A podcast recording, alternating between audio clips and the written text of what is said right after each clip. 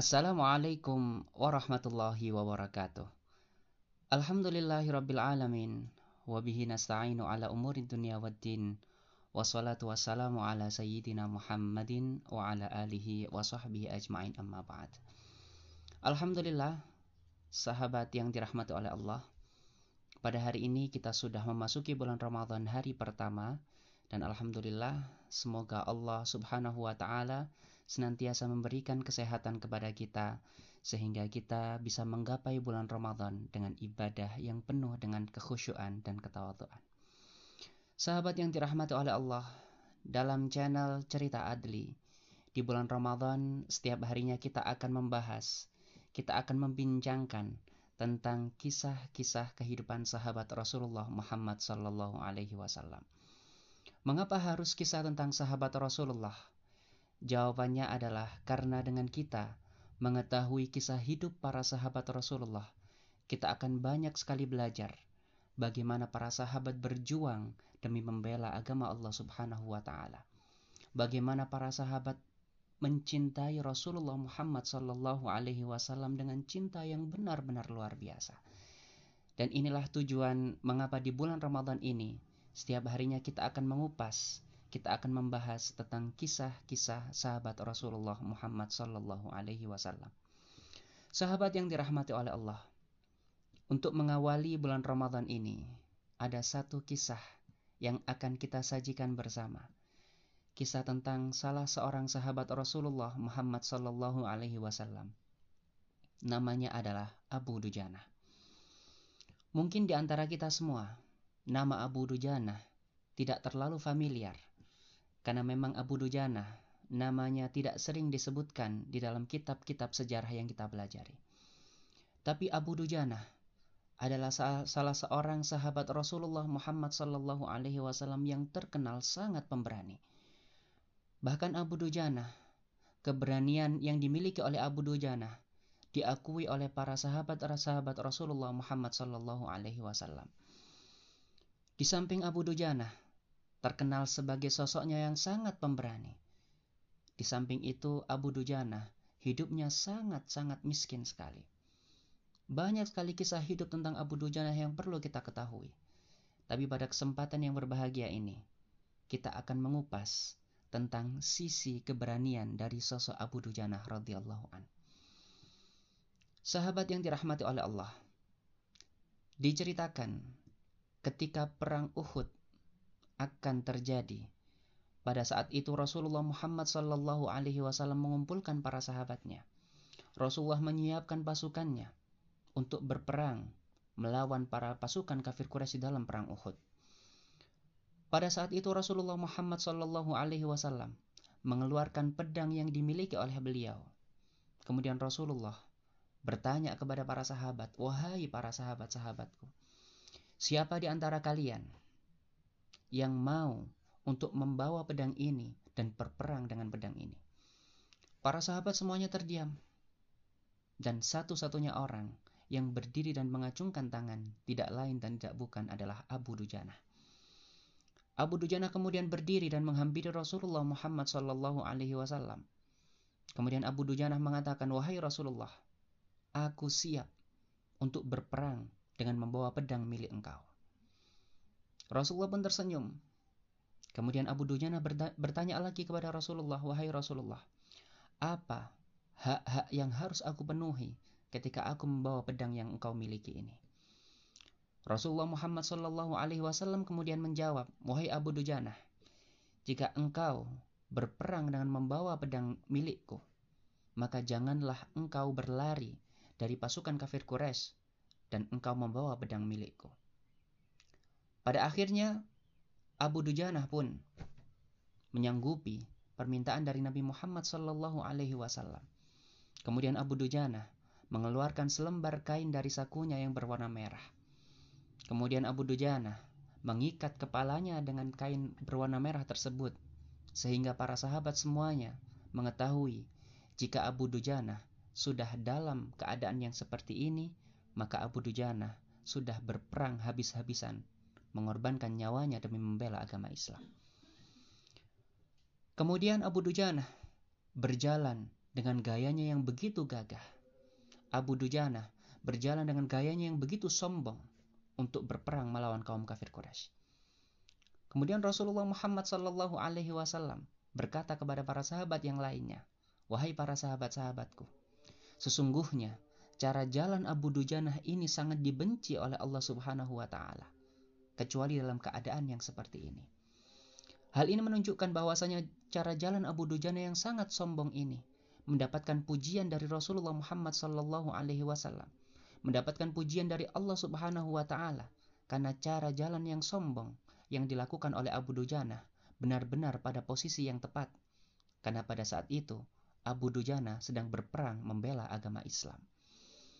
Mengapa Allah Subhanahu wa taala dan juga Rasulullah Muhammad sallallahu alaihi wasallam memuji cara jalan Abu Dujana yang sangat sombong ini? Karena dengan cara jalan yang sombong ketika dalam peperangan melawan kaum kafir Quraisy, ini akan membuat kaum kafir Quraisy akan merasa takut dengan kesiapan dengan kegagahan Abu Dujana untuk melawan mereka. Sehingga hal inilah yang menjadikan Rasulullah memuji cara jalan Abu Dujana yang sangat sombong ketika dalam peperangan. Sahabat yang dirahmati oleh Allah, dari kisah Abu Dujana, kita bisa banyak belajar.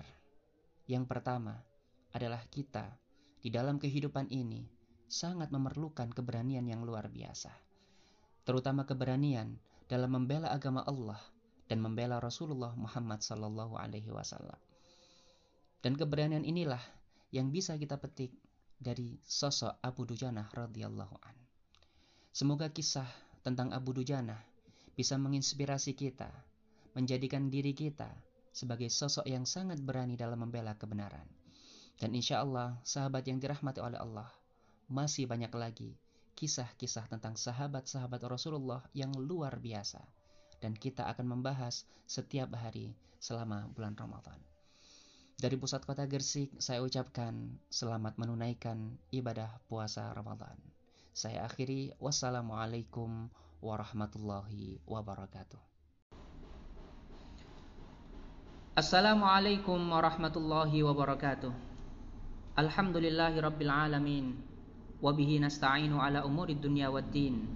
Wassalatu wassalamu ala sayyidina Muhammadin wa ala alihi wa sahbihi ajmain amma ba'd. Sahabat yang dirahmati oleh Allah, alhamdulillah pada hari ini Allah Subhanahu wa taala masih memberikan nikmatnya kepada kita sehingga kita masih bisa berjumpa dengan bulan Ramadan yang sangat mulia. Dan pada hari ini kita telah memasuki hari kedua dari bulan Ramadan. Dan seperti biasanya, di dalam cerita Adli, kita akan banyak sekali mengupas tentang kisah-kisah kehidupan sahabat Rasulullah Muhammad wasallam. Sahabat yang dirahmati oleh Allah. Pada kesempatan hari Ramadan yang kedua ini, kita akan menyajikan sebuah kisah tentang kehidupan salah seorang sahabat Rasulullah Muhammad wasallam yang memiliki kedudukan yang sangat luar biasa di mata Rasulullah Muhammad wasallam dan memiliki kedudukan yang sangat mulia di mata Allah Subhanahu wa taala. Siapakah sosok sahabat yang kita maksud? Sosok sahabat ini tidak lain dan tidak bukan adalah Hubaib bin Adi. Sahabat, mungkin di antara kita tidak banyak dari kita yang familiar dengan nama Hubaib bin Adi. Karena memang nama Hubaib bin Adi tidak banyak disebutkan di dalam kitab-kitab sejarah yang kita pelajari. Hubeb bin Adi merupakan salah seorang dari penduduk kota Madinah dan berasal dari suku Aus, suku asli dari kota Madinah. Dan ketika Rasulullah Muhammad Shallallahu Alaihi Wasallam hijrah dari kota Mekah menuju kota Madinah, sahabat Hubeb bin Adi menyatakan keislamannya langsung di hadapan Rasulullah Muhammad Shallallahu Alaihi Wasallam. Dan sejak saat itu pula lah iman dan juga keteguhan hati sahabat Hubeb bin Adi benar-benar sangat kuat sekali dan benar sangat luar biasa sekali. Dikisahkan pada bulan Safar tahun 4 Hijriah pada saat itu Bani Adal dan juga Bani Qara menghadap kepada Rasulullah Muhammad sallallahu alaihi wasallam. Tujuan mereka datang kepada Rasulullah adalah meminta utusan sahabat Rasulullah untuk berkenan berdakwah ke daerah mereka. Atas permintaan mereka inilah pada akhirnya Rasulullah Muhammad Sallallahu Alaihi Wasallam mengutus tujuh orang sahabat untuk ditugaskan berdakwah ke daerah Bani Adal dan juga Bani Qarah. Di antara tujuh sahabat yang terpilih, di dalamnya ada satu nama yaitu Hubaib bin Adi. Pada akhirnya ketujuh sahabat ini pun berangkat menuju daerah Bani Adal dan juga Bani Qarah. Tapi ternyata takdir berkata lain. Ternyata ketujuh orang sahabat ini dihianati dan mereka disergap oleh Bani Hudail dan dibantai di tempat. Dari ketujuh sahabat ini, empat sahabat lainnya dibantai dan meninggal dunia di tempat, sehingga menyisakan tiga orang sahabat, yaitu sahabat Hubaib bin Adi, sahabat Zaid bin Dathina, dan juga sahabat Abdullah bin Tariq. Pada akhirnya sahabat, ketiga orang ini, ketiga sahabat ini akan dibawa ke kota Mekah untuk dijadikan budak. Di tengah perjalanan, ternyata Abdullah bin Tariq berusaha untuk melarikan diri, tapi ternyata sahabat Abdullah bin Tariq berhasil disergap kembali dan kemudian dibunuh di tempat. Sehingga sahabat menyisakan dua orang saja yang dibawa ke kota Mekah, yaitu sahabat Hubaib bin Adi dan juga sahabat Zaid bin Dathina. Kedua orang ini memiliki cerita yang sangat luar biasa sekali tentang bagaimana mereka mempertahankan keteguhan iman mereka tentang bagaimana mereka berpegang teguh terhadap agama Islam dan tentang bagaimana mereka mencintai Rasulullah Muhammad sallallahu alaihi wasallam. Untuk hari ini kita akan fokus tentang kisah tentang sahabat Hubaib bin Adi. Untuk kemudian di episode selanjutnya kita akan membahas cerita tentang sahabat Zaid bin Dathina. Singkat cerita sahabat yang dirahmati oleh Allah. Sahabat Hubaib bin Adi dan juga Zaid bin Dathina dibawa ke kota Mekah dan dijual di sana untuk dijadikan budak. Sahabat Hubaib pada akhirnya dibeli oleh Bani Haris dengan harga 100 ekor unta. Mengapa Bani Haris berkenan membeli sahabat Hubaib dengan harga yang begitu tinggi dengan 100 ekor unta? Ternyata sahabat yang dirahmati oleh Allah, Bani Haris memiliki dendam yang sangat luar biasa sekali terhadap sahabat Hubaib Mengapa demikian? Karena ketika peristiwa perang Badar yang mana membuat orang kafir Quraisy kalah, pada saat itu sahabat Hubaib berhasil membunuh ayah dari Bani Haris. Hal inilah yang menjadikan Bani Haris dendam luar biasa kepada sahabat Hubaib. Sehingga pada akhirnya Bani Haris berkenan untuk membeli sahabat Hubaib dengan tujuan untuk dibunuh oleh mereka. Pada akhirnya sahabat Hubaib pun dikerangkeng di sebuah ruangan kaki dan tangannya dibelenggu oleh mereka dan mereka akan berdiskusi kapan sahabat Hubeb akan dibunuh oleh mereka. Selang beberapa hari kemudian, sahabat Hubeb meminta kepada salah seorang perempuan dari Bani Haris untuk memberikannya pisau cukur karena sahabat Hubeb akan mencukur rambutnya karena rambutnya sudah panjang. Pada saat itu perempuan ini memberikan pisau cukur kepada sahabat Hubeb dan perempuan ini tidak sadar bahwa anaknya yang kecil mendekati sahabat Hubeb. Pada saat itu perempuan dari Bani, Bani Haris ini kaget luar biasa karena ia takut putrinya yang masih kecil akan dibunuh oleh sahabat Hubeb dengan menggunakan pisau cukur yang diberikannya. Tapi kemudian apa yang terjadi, sahabat? Ternyata sahabat Hubeb berkata kepada perempuan ini, "Apakah engkau takut aku akan membunuh putri kecilmu?" Perempuan ini ketakutan luar biasa. Kemudian sahabat Hubaib melanjutkan perkataannya, "Sungguh demi Allah, saya tidak akan membunuh putri kamu." Perempuan ini lega luar biasa dan perempuan ini kemudian berkata kepada orang-orang Bani Haris bahwasanya sesungguhnya ia tidak pernah bertemu dengan tawanan yang sangat baik kecuali sahabat Hubaib bin Adi. Perempuan ini juga melihat sahabat Hubaib bin Adi selalu makan buah anggur dan di sampingnya banyak sekali buah-buah anggur. Padahal sahabat Hubaib dibelenggu di kerangkeng tersebut. Maka dari mana datangnya buah anggur ini? Tentu dari Allah Subhanahu wa taala. Allah Subhanahu wa taala sungguh sayang sekali terhadap sahabat Hubaib berkat keteguhan imannya sehingga Allah Subhanahu wa taala menurunkan rizki berupa anggur kepada sahabat Hubaib padahal pada saat itu kota Mekah sedang dilanda kering kerontang sehingga tidak ada buah anggur yang tumbuh sekalipun. Sahabat yang dirahmati oleh Allah.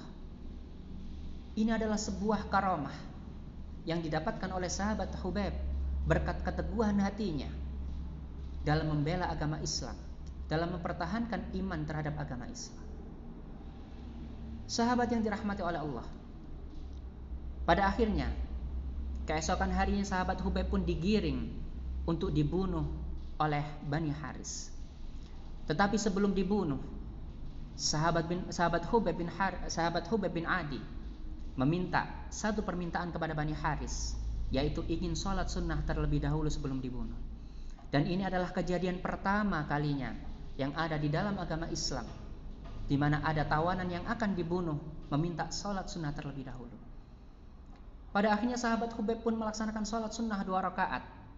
Dan pada saat itu sahabat Hubaib sholatnya tidak terlalu lama, Mengapa demikian? Sahabat Hubaib berkata kepada orang Bani Haris, Wahai Bani Haris, andai kata aku tidak khawatir kamu menyangka aku takut dibunuh, maka aku akan memperlama sholatku. Sahabat Hubaib bin Adi, beliau sholat dengan sangat singkat, karena beliau khawatir orang kafir Quraisy menyangkanya takut akan dibunuh. Padahal sahabat Hubaib sama sekali tidak takut untuk dibunuh oleh Bani Haris. Karena sahabat Hubaib bin Adi Beliau benar-benar teguh imannya terhadap agama Islam. Pada akhirnya setelah sholat sunnah dua rakaat, sahabat Hubeb bin Adi akhirnya disalib oleh orang Bani Haris, kemudian dibunuh oleh mereka. Dan pada saat itu pula, sahabat Hubeb bin Adi mendapatkan surganya dari Allah Subhanahu wa taala. Sahabat yang dirahmati oleh Allah. Dari kisah tentang Hubeb bin Adi, kita banyak sekali belajar tentang bagaimana kita memperteguh iman kita dalam membela agama Islam. Bagaimana kita memperteguh agama kita, memperteguh kecintaan kita kepada Rasulullah Muhammad sallallahu alaihi wasallam.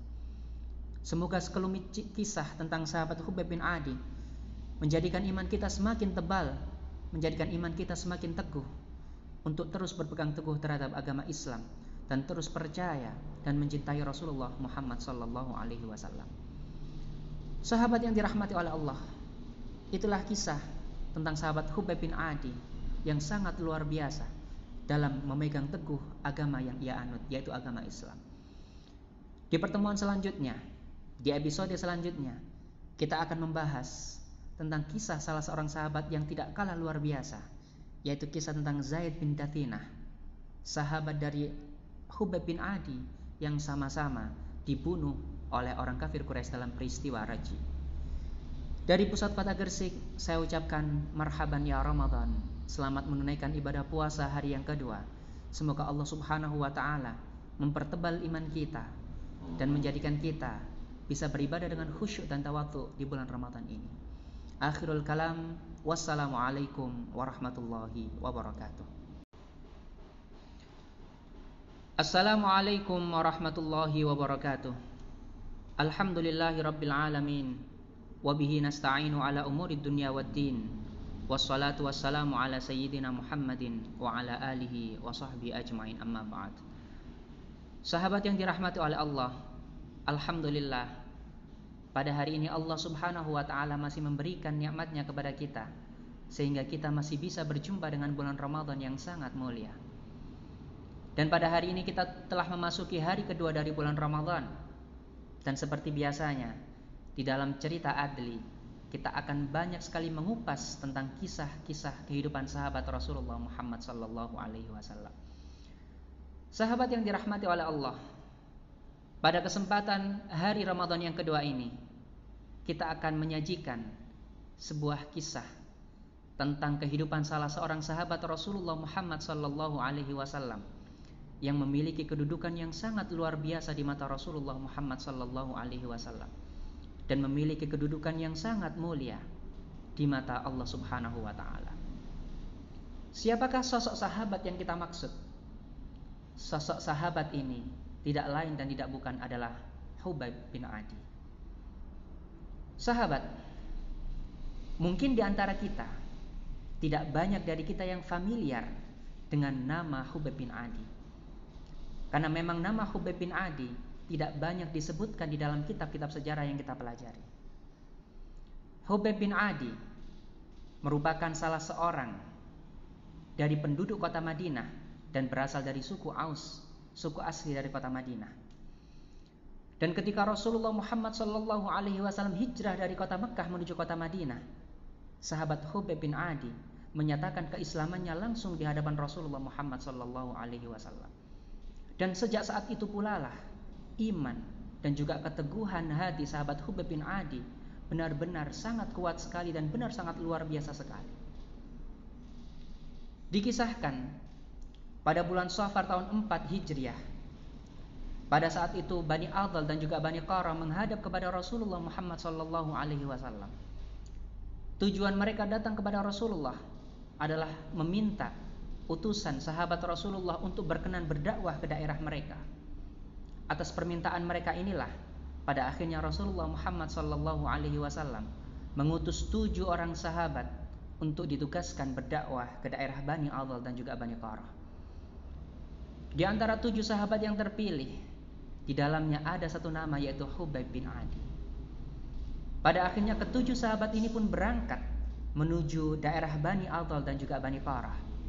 Tapi ternyata takdir berkata lain Ternyata ketujuh orang sahabat ini dihianati dan mereka disergap oleh Bani Hudzail dan dibantai di tempat.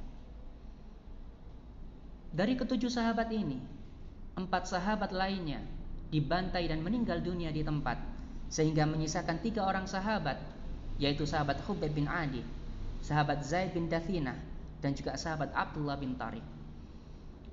Pada akhirnya sahabat, ketiga orang ini, ketiga sahabat ini akan dibawa ke kota Mekah untuk dijadikan budak.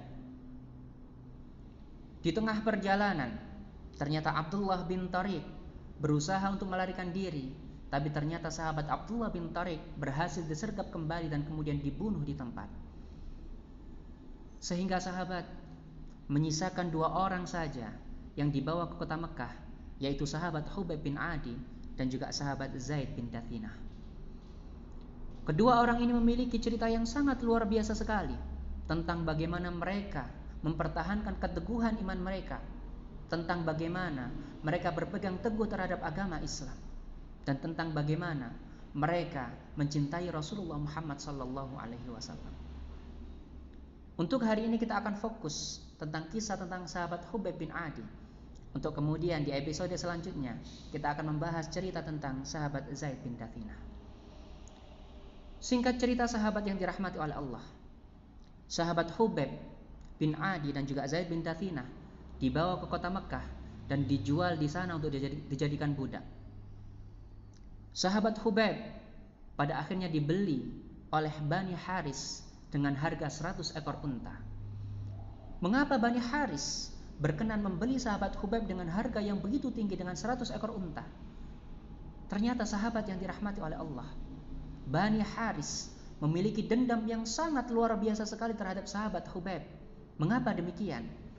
Karena ketika peristiwa perang Badar yang mana membuat orang kafir Quraisy kalah, pada saat itu sahabat Hubaib berhasil membunuh ayah dari Bani Haris.